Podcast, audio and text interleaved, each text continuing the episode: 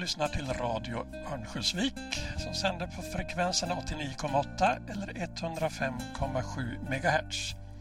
Eller via internet på adressen www.radioovik.se. Och programmet som följer strax är Sommarpratarna som produceras av Radio Nolaskogs. Och idag säger vi också välkommen då till årets sista sommarpratare som är Per Bäckman eller Pelle Bäckman som han ofta kallas. Välkommen Per!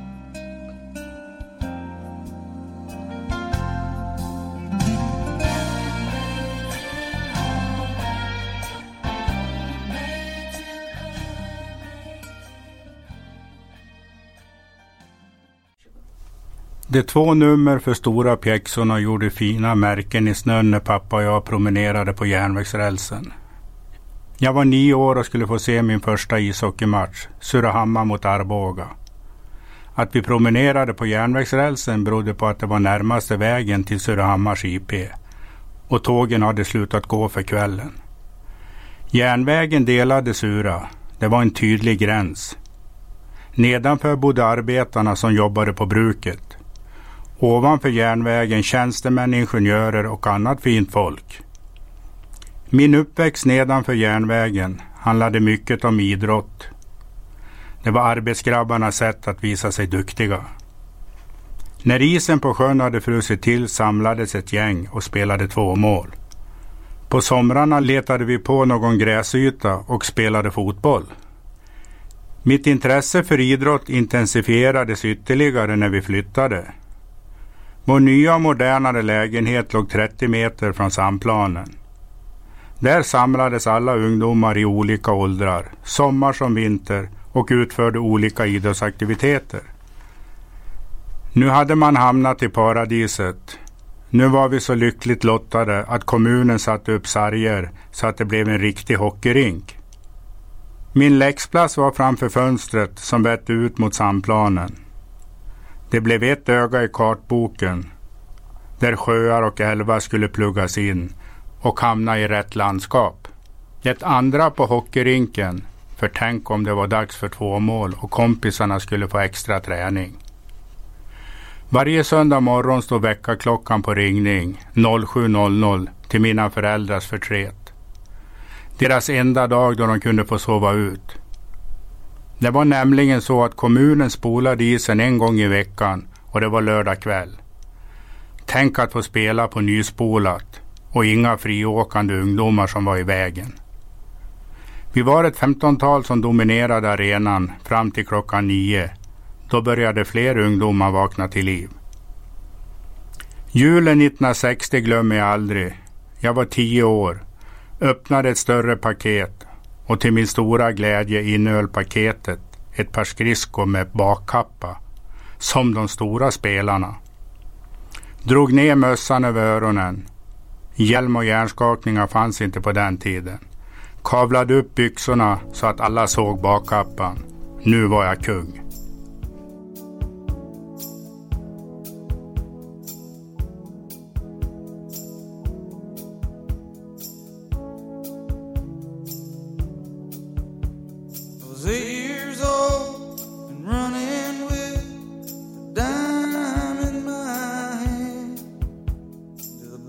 top to pick up a paper from my old man.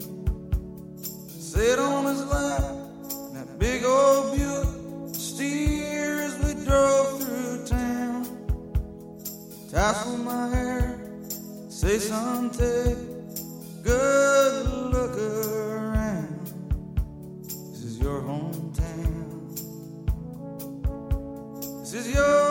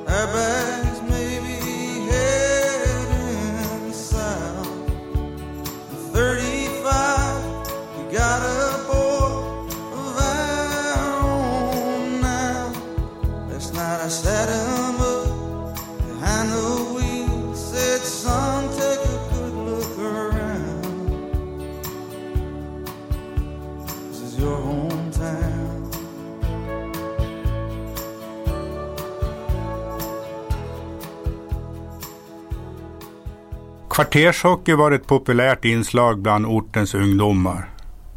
Vi fick ordna lag själva. Jag tog kontakt med mina kompisar i bostadsområdet. Enda problemet var att hitta en målvakt. Lagen bestod av spelare i olika åldrar. Det viktigaste var att det blev match. Matcherna spelades på den riktiga rinken där brukets stolthet spelar sina A-lagsmatcher.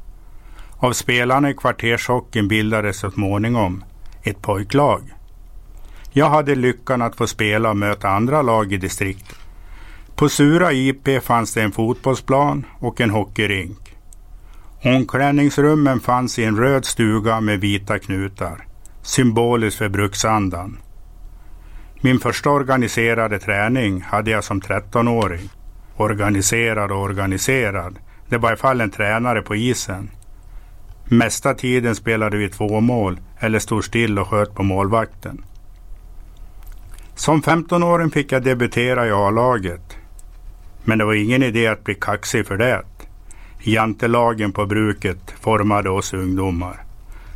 Tro inte att du är någonting. Du ska vara glad att du får vara med. Transporten till träningar och matcher var med cykel. Upp med trunken på ramen och sedan gällde det att styra cykeln i snömodden. Jag etablerade mig i A-laget. Det var ingen enkel resa. Man var tvungen att klara av psykningar, tacklingar och lite rapp här och där. Att de äldre skulle visa någon hänsyn var inte att fundera på. Det var ingen röd matta som rullades ut. Studier på gymnasiet och spel i A-laget. Livet lekte. Studiedisciplinen var väl inte den bästa. Hockey var roligare. Trots ett bekymmersfritt liv var det inte långt kvar till att försöka skaffa sig ett jobb. Tyvärr kunde man inte livnära sig på ishockeyn. Min dröm det var att komma in på GH och bli idrottslärare. Men betygen var för svaga. En dag fick jag ett telefonsamtal som skulle förändra den trygga vardagen. I andra ändan av luren presenterade sig en av Sveriges bästa hockeyspelare, Uffe Sterner. Han förklarade att Färjestad ville värva mig. Det var omtumlande. Och vad skulle mina lagkompisar säga? Det var många sömnlösa nätter. Men i och med att flera andra spelare hade lämnat och lyckats etablera sig i högsta serien måste väl jag också klara av det, tänkte jag. Jag måste också erkänna att jag blev imponerad när storpappa Glennert förklarade att de skulle ordna ett jobb och jag skulle få hyran betald. Dessutom 5 000 kronor. Hade aldrig tjänat en krona på ishockeyn tidigare. Tänk att få spela med Nicke Johansson, Uffe Sterner, Conny Evensson.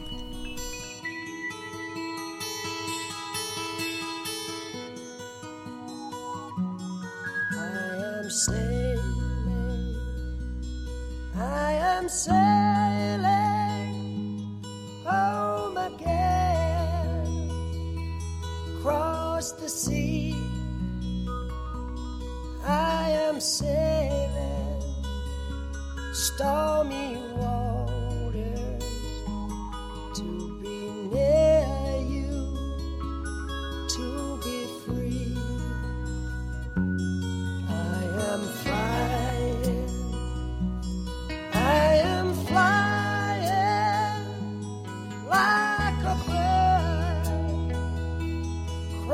just the sky.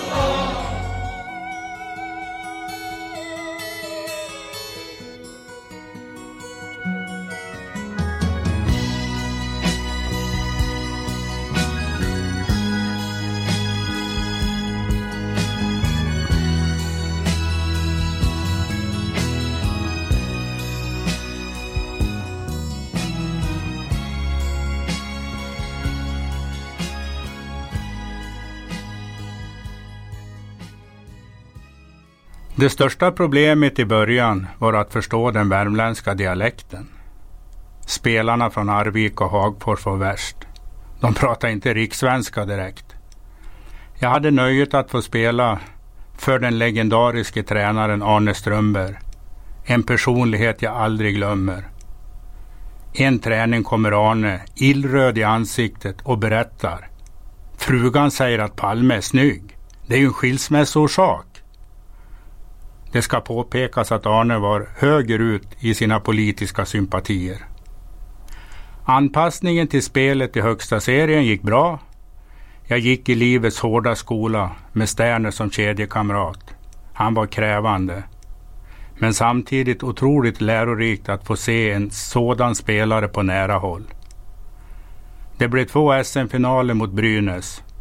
Tyvärr räckte vi inte till. Första finalen var det Salming, Lundström, Wickberg som dominerade. Andra finalen hade Krobbe Lundberg uppvisning och åkte åtta av våra backar. Dessutom hade Brynäs hockeyprofessor Sandlin i båset. Jag tror ändå att Karlstadborna och alla värmlänningar var ganska nöjda ändå. Färjestad började etablera sig i toppen av elitserien. Precis som klubben lovade fick jag ett jobb på Länsstyrelsen regionalekonomiska avdelning. Det var en massa statistikuppgifter hit och dit. Pliktskyldigast gjorde jag mina uppgifter. Min chef, som jag fick väldigt bra kontakt med, såg att mitt engagemang inte var på topp. Han ställde en rak fråga. Vad vill du göra? Jag har alltid drömt om GH. Ska vi fixa? Säger han. Ut och skaffa praktikpoäng som vikarierande idrottslärare. Läs en fritidsledarutbildning. I och med att jag såg upp till min chef, Sven Rune, gjorde jag som han sa. Några år senare visade han mig en annons. Oskarshamn söker fritidskonsulent på Saab-Scania. Det är perfekt för dig. Jag var 28 år och trivdes bra i Karlstad. Tyckte att jag hade några år kvar som elitspelare. Problemet med jobbet i Oskarshamn var att fritidskonsulentjobbet var en halvtid och andra halvan var att träna deras division 2-lag. Sven Rune peppade mig. Det klarar du. Bra poäng för att så småningom komma in på hockeylinjen på GH. Du har ju drömt om det. Efter några besök i Oskarshamn och ett intensivt grubblande hade min mentor övertygat mig och min familj att det var rätt att flytta. Att jag blev tränare var med andra ord en ren tillfällighet eller ett tvång, beroende på hur man vill se det.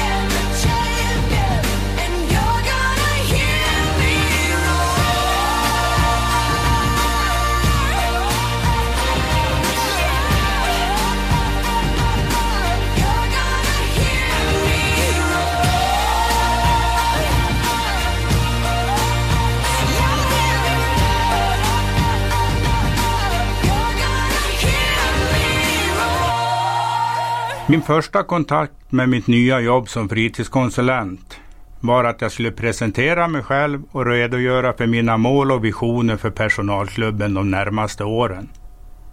Jag kände hur hjärtat började slå snabbare och snabbare. Armsvetten kom smygande.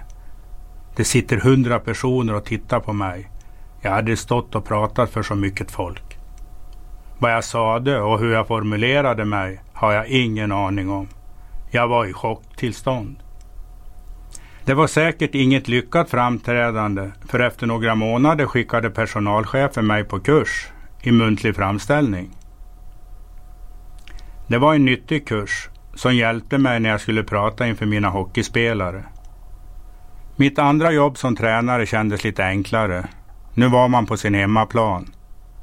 Det krävdes lite tankeverksamhet för att sätta ihop träningarna. Förut var det bara att ställa sig i ledet och köra på. Jag var tvungen att ställa in mig på att dessa spelare inte kunde utföra ishockeyns svåra konst på samma sätt som i Färjestad.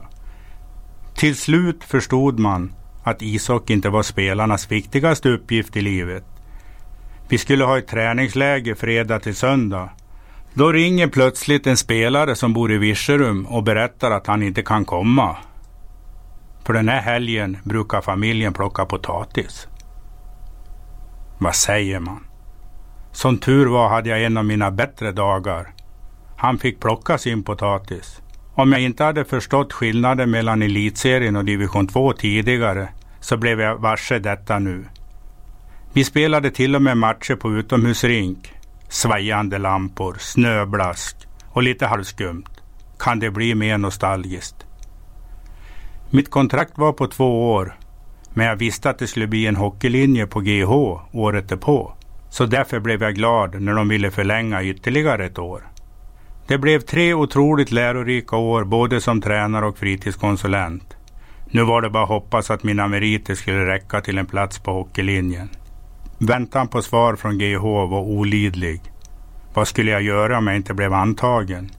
Till min stora lycka fick jag ett ja. Nu kom nästa fråga. Hur skulle jag finansiera mina studier på två år? Studielån skulle inte räcka för att försörja familjen. Därför kändes det tryggt när Väsby ville anställa mig på två år.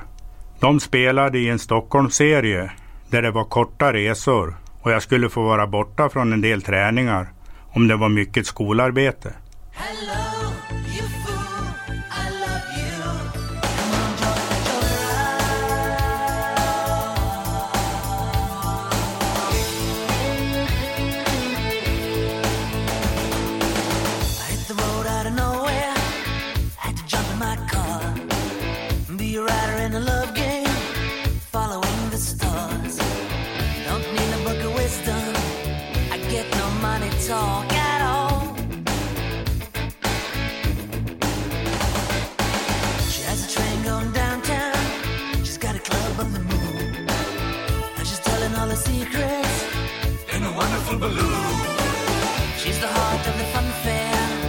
got me whistling a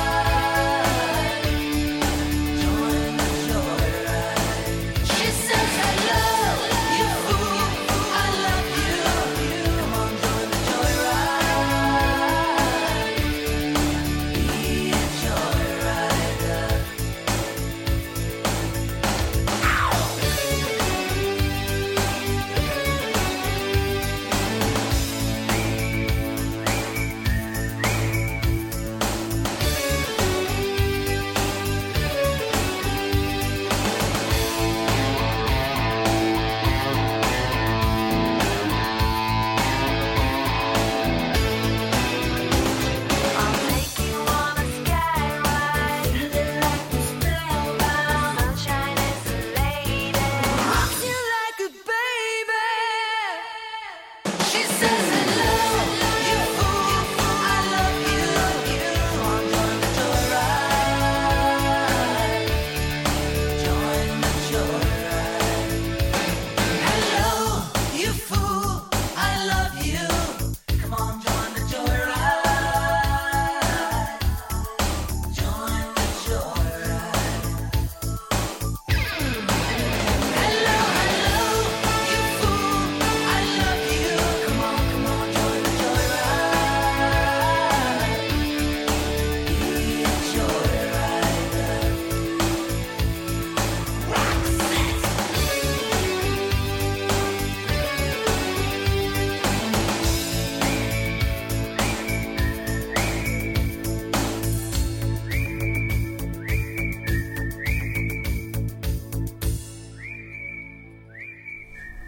Åren på GH var fantastiskt roliga.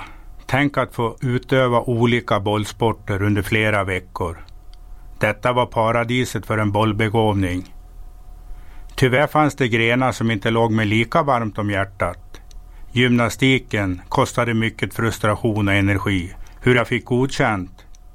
Det berodde inte på utförandet utan en snäll lärare. Dans var ett annat inslag där mina rörelser tog emot med långa skratt. Höjdpunkten var när jag skulle dansa till tonerna av Singing in the Rain. Det kunde jämföras med Peppe Eng och hans insatser i Let's Dance. Vi som gick på idrottslinjen var i snitt runt 30 år och de flesta hade arbetslivserfarenhet eller idrottat på hög nivå. Övriga kom direkt från gymnasiet med höga betyg. Vi äldre fick naturligtvis jobba hårt med det teoretiska. Det var ju ett tag sedan skolan var aktuell för oss. När det var dags för praktik ute på olika skolor i Stockholm skulle vi sättas på prov. När några killar från snickarlinjen sätter sig på tvären, då spelar det ingen roll om man har höga betyg i historia och religion. Då kanske det är bättre med arbetslivserfarenhet eller omklädningsrumsmentalitet. De flesta avhoppen kom från elever med enbart gymnasieutbildning. Det måste vara bättre att ge de som brinner för idrott fler platser. Två lärorika år som tränare och elev på GH var bra att ha i ryggsäcken inför framtiden. Nu kunde man leka vidare som tränare om någon var intresserad.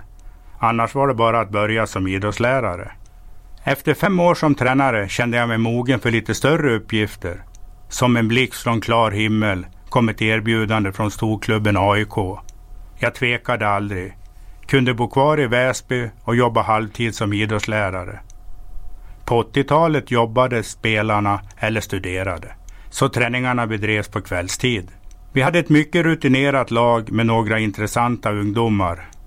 Per-Erik Eklund och Tommy Lehmann. AIK och Djurgården var två av favoriterna inför säsongen. Det var häftigt att få uppleva första derbyt inför ett fullsatt Hovet. Många tycker att ishockeyn är tuff idag, men de här matcherna var barnförbjudna. Allt var tillåtet. Som tur var hade vi Robinson-matte som var beredd att käka puck. Men Djurgårdarna var för starka i den här matchen. Alla stockholmare drömde om en SM-final mellan Djurgården och AIK. Och till slut besannades deras drömmar. Ett riktigt derby i bäst av fem matcher. Detta hade aldrig hänt och kommer troligtvis aldrig att hända igen. Att vi körde över Borkens Djurgården med 3-0 gör inte upplevelsen mindre angenäm. Att se Öviksprofilen Roger Lindström lyfta bucklan var ett minne för livet. Det gäller att ha lite tur och vara på rätt plats vid rätt tidpunkt.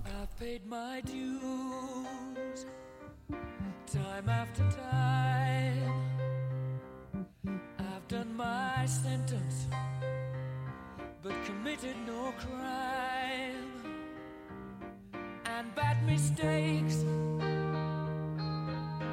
made a few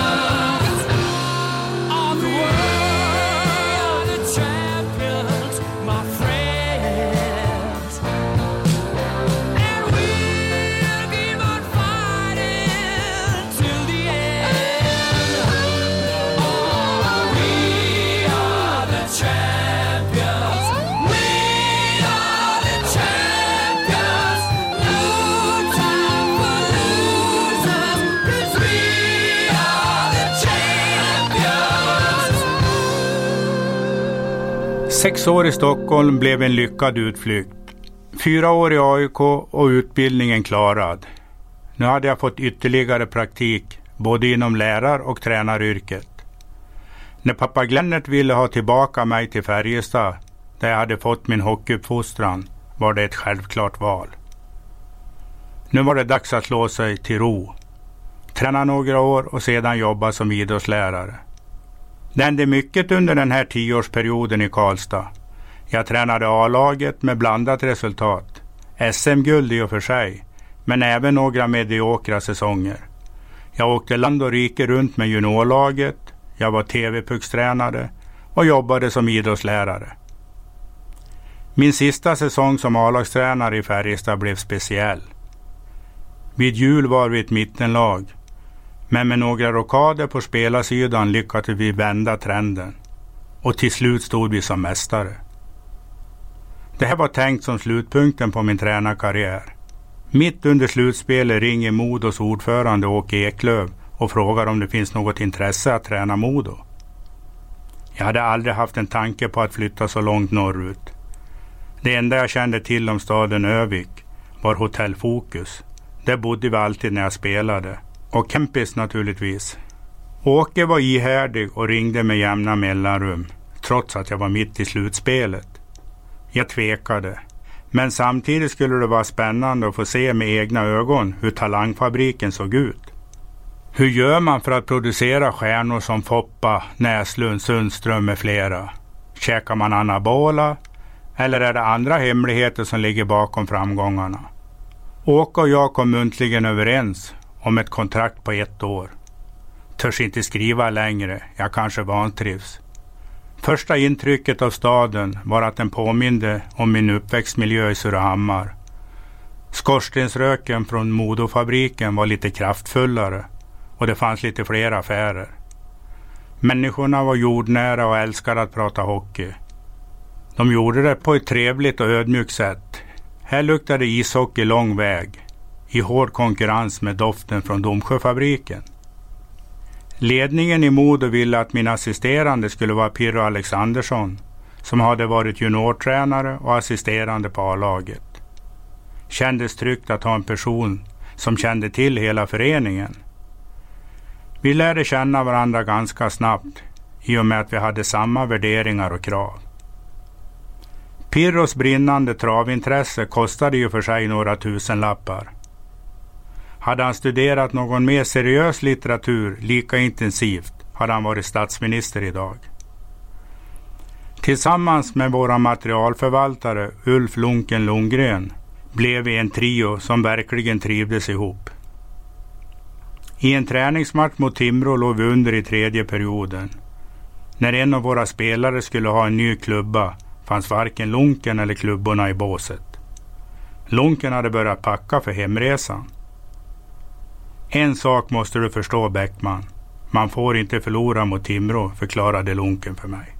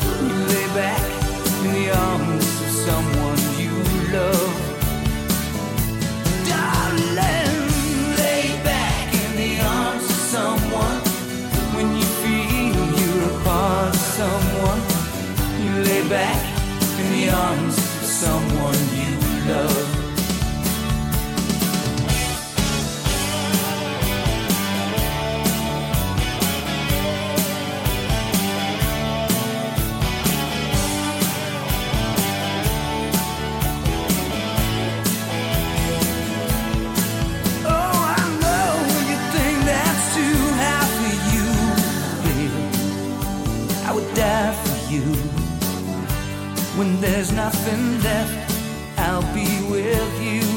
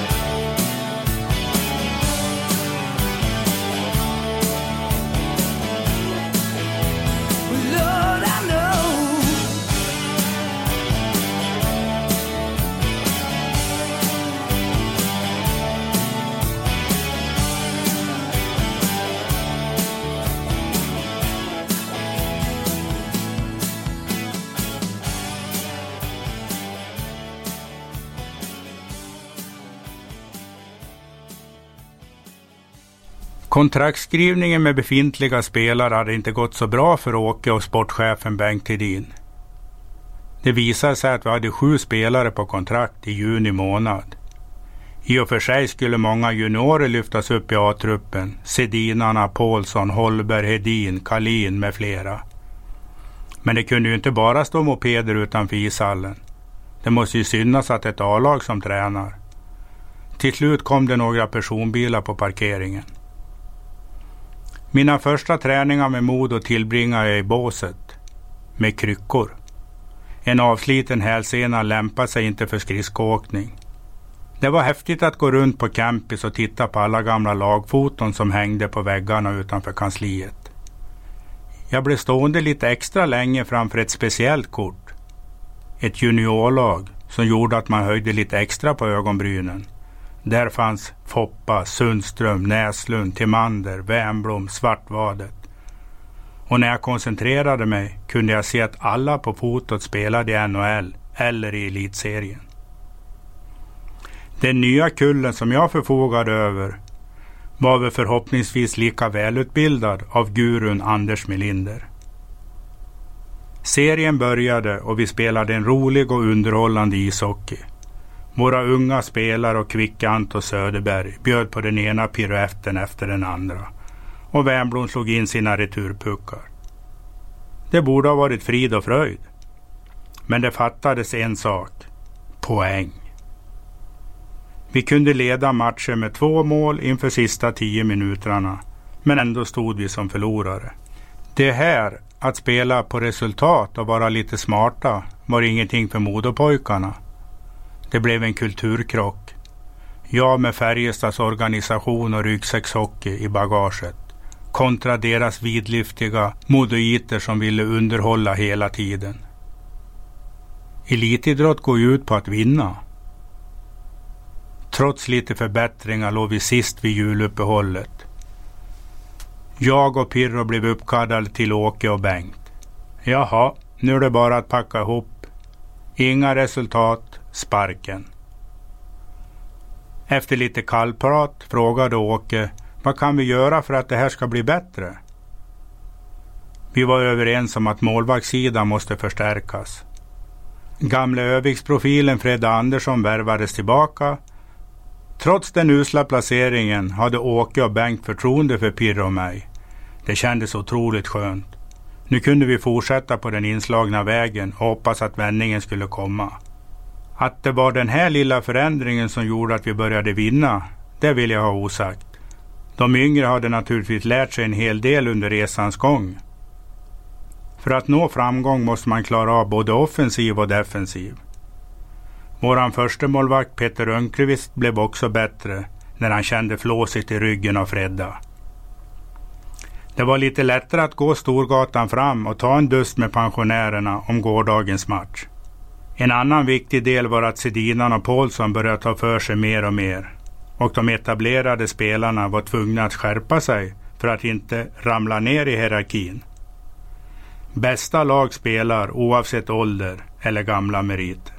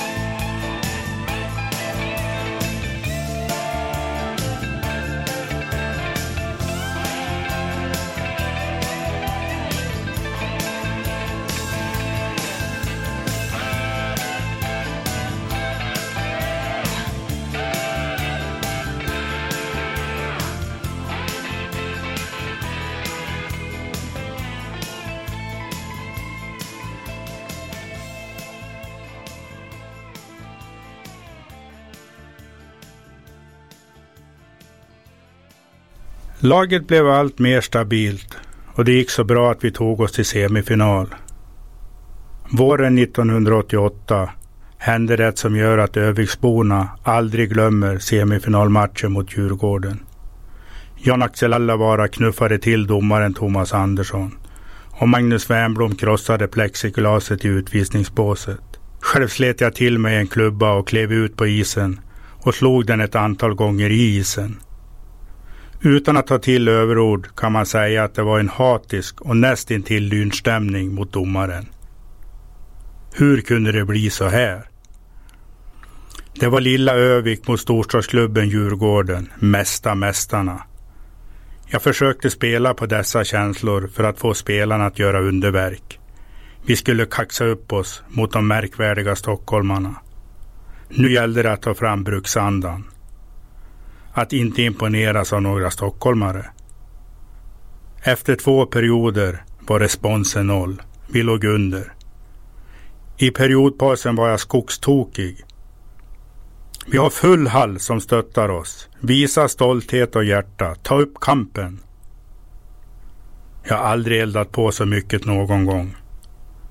Det mesta var kanske inte så vettigt. Men effekten blev bra. Med cirka 20 sekunder kvar kvitterade Samuel Paulsson. Inget frälsningsmöte i hela världen kan konkurrera med den stämning och eufori som utbröt i Kempis. Det var ett av de häftigaste ögonblick jag har upplevt. Innan kvitteringen hade de andra episoderna inträffat, så Wernbloom och Allavara var inte tillgängliga i sadden. Nu var det ett annat läge i periodpausen. Vi var tvungna att lugna ned oss och få rätt fokus. Sådana här gånger var det bra att ha Lugne Pirro vid sin sida. Spelet i sadden böljade fram och tillbaka. Många gånger avgörs sadden av en tillfällighet. Den här gången blev inget undantag. Ett lösskott tog på Kabbeles handske och gick i mål. Känslomänniska som jag är hade jag svårt att dölja min besvikelse. Trots en heroisk upphämtning. Det var mycket presskonferenser följande vecka. Jag försvarade mina spelare. Det var jag som hade eldat på. Danno på Mamma Mia hade startat en insamling som skulle täcka mina böter på 10 000 kronor. Han lyckades samla in helt osannolika 7 000. Det kändes pinsamt att ta emot gåvan, men Danno övertygade mig att det var fansens önskemål.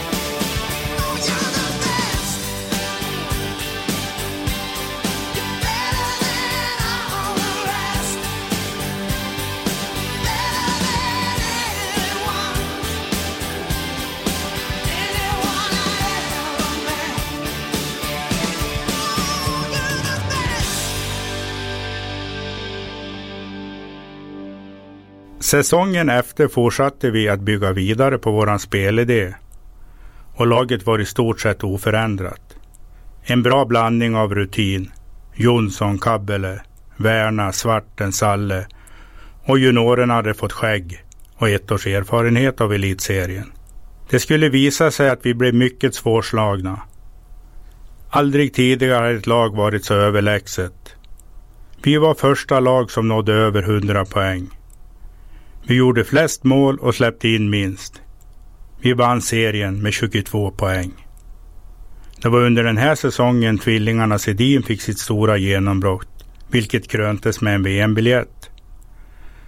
Det är sådana här spelare man önskar all framgång. De var inte bara skickliga hockeyspelare. De var laglojala och seriösa.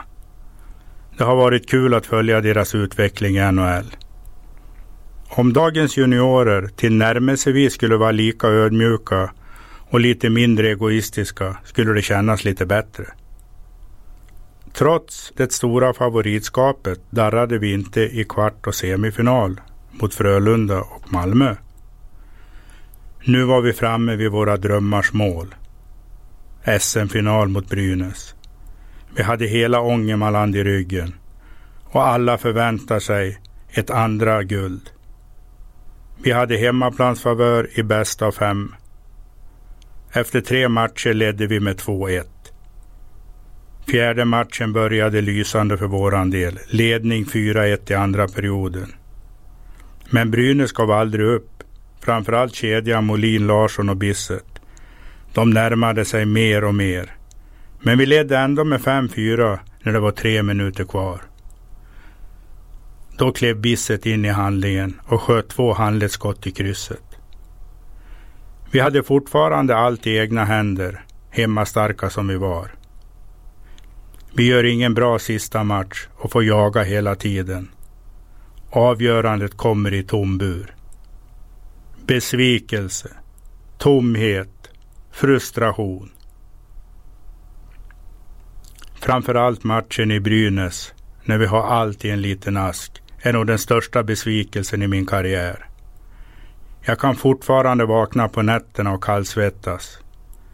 Jag ältar fortfarande. Vad gjorde jag för fel som inte kunde hjälpa laget till en seger? Spelarna, ledarna med Åke och Bengt i spetsen och våran fantastiska publik var värda ett guld. Tre minuter förstör en hel säsong.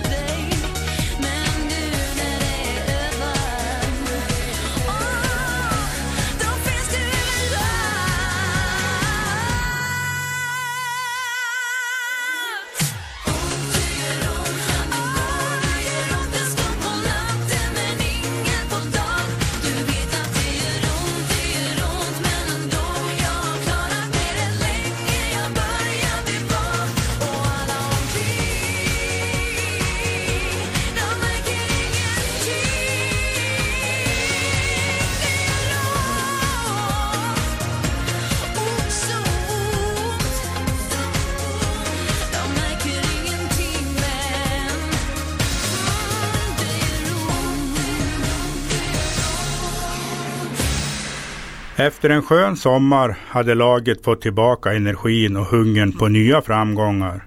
Vi ville ha revansch. Pirro och jag letade komplement till tvillingarna, helst en högerskytt. Därför följde vi Weinhandel i Troja extra noga. Efter ett bra samtal med hans kloka föräldrar var alla överens om att Modo skulle vara rätt för hans fortsatta karriär. De här tre kom att bilda den berömda linje 80. Tre juniorer som pratade samma språk på rinken blev en attraktion i elitserien. Trots Weinhandels svåra ögonskada kom han tillbaka och fick en lysande karriär. Under en säsong är det lätt att det blir slentrian. Träning, äta, sova, match. Så rullar det på. När det börjar gå dåligt, då kommer alla på att man ska göra något annorlunda. Pirro och jag tänkte bryta den traditionen, men vi kom aldrig riktigt till skott. Men en dag träffade jag den idrottsintresserade prästen Robert Rungstad som rent spontant förklarar att han var beredd att göra en annorlunda upplevelse för vårt lag. Det enda vi skulle ha med oss var en tandborste. En buss hämtade oss vid campis. Spelarna undrade, vad är det på gång?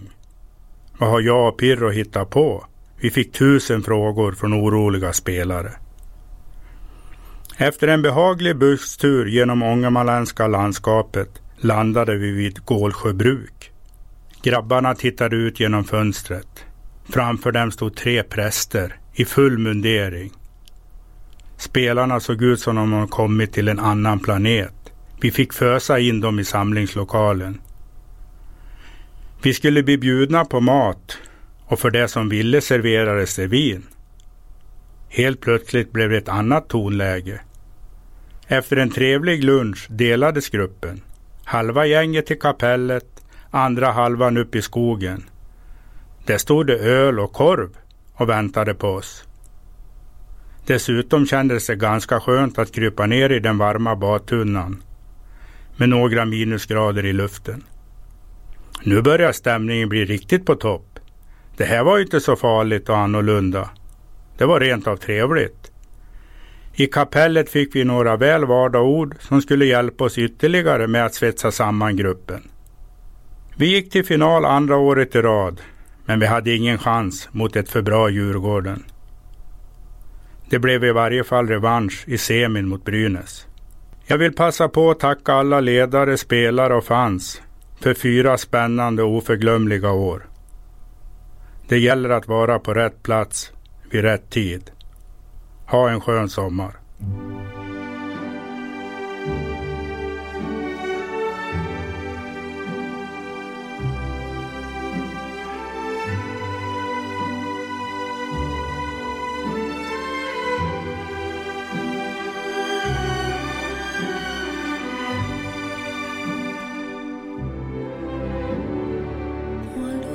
Solo sogno all'orizzonte so che non c'è luce in una stanza quando manca il sole. Se non ci sei tu con me, con me su le finestre mostrar tutto il mio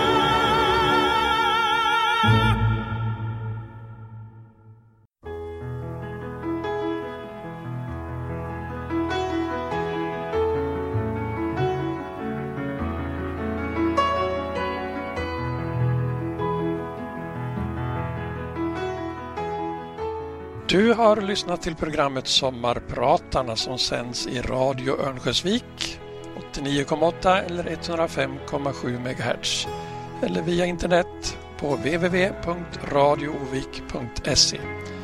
Och programmet produceras av Radio Nolaskogs.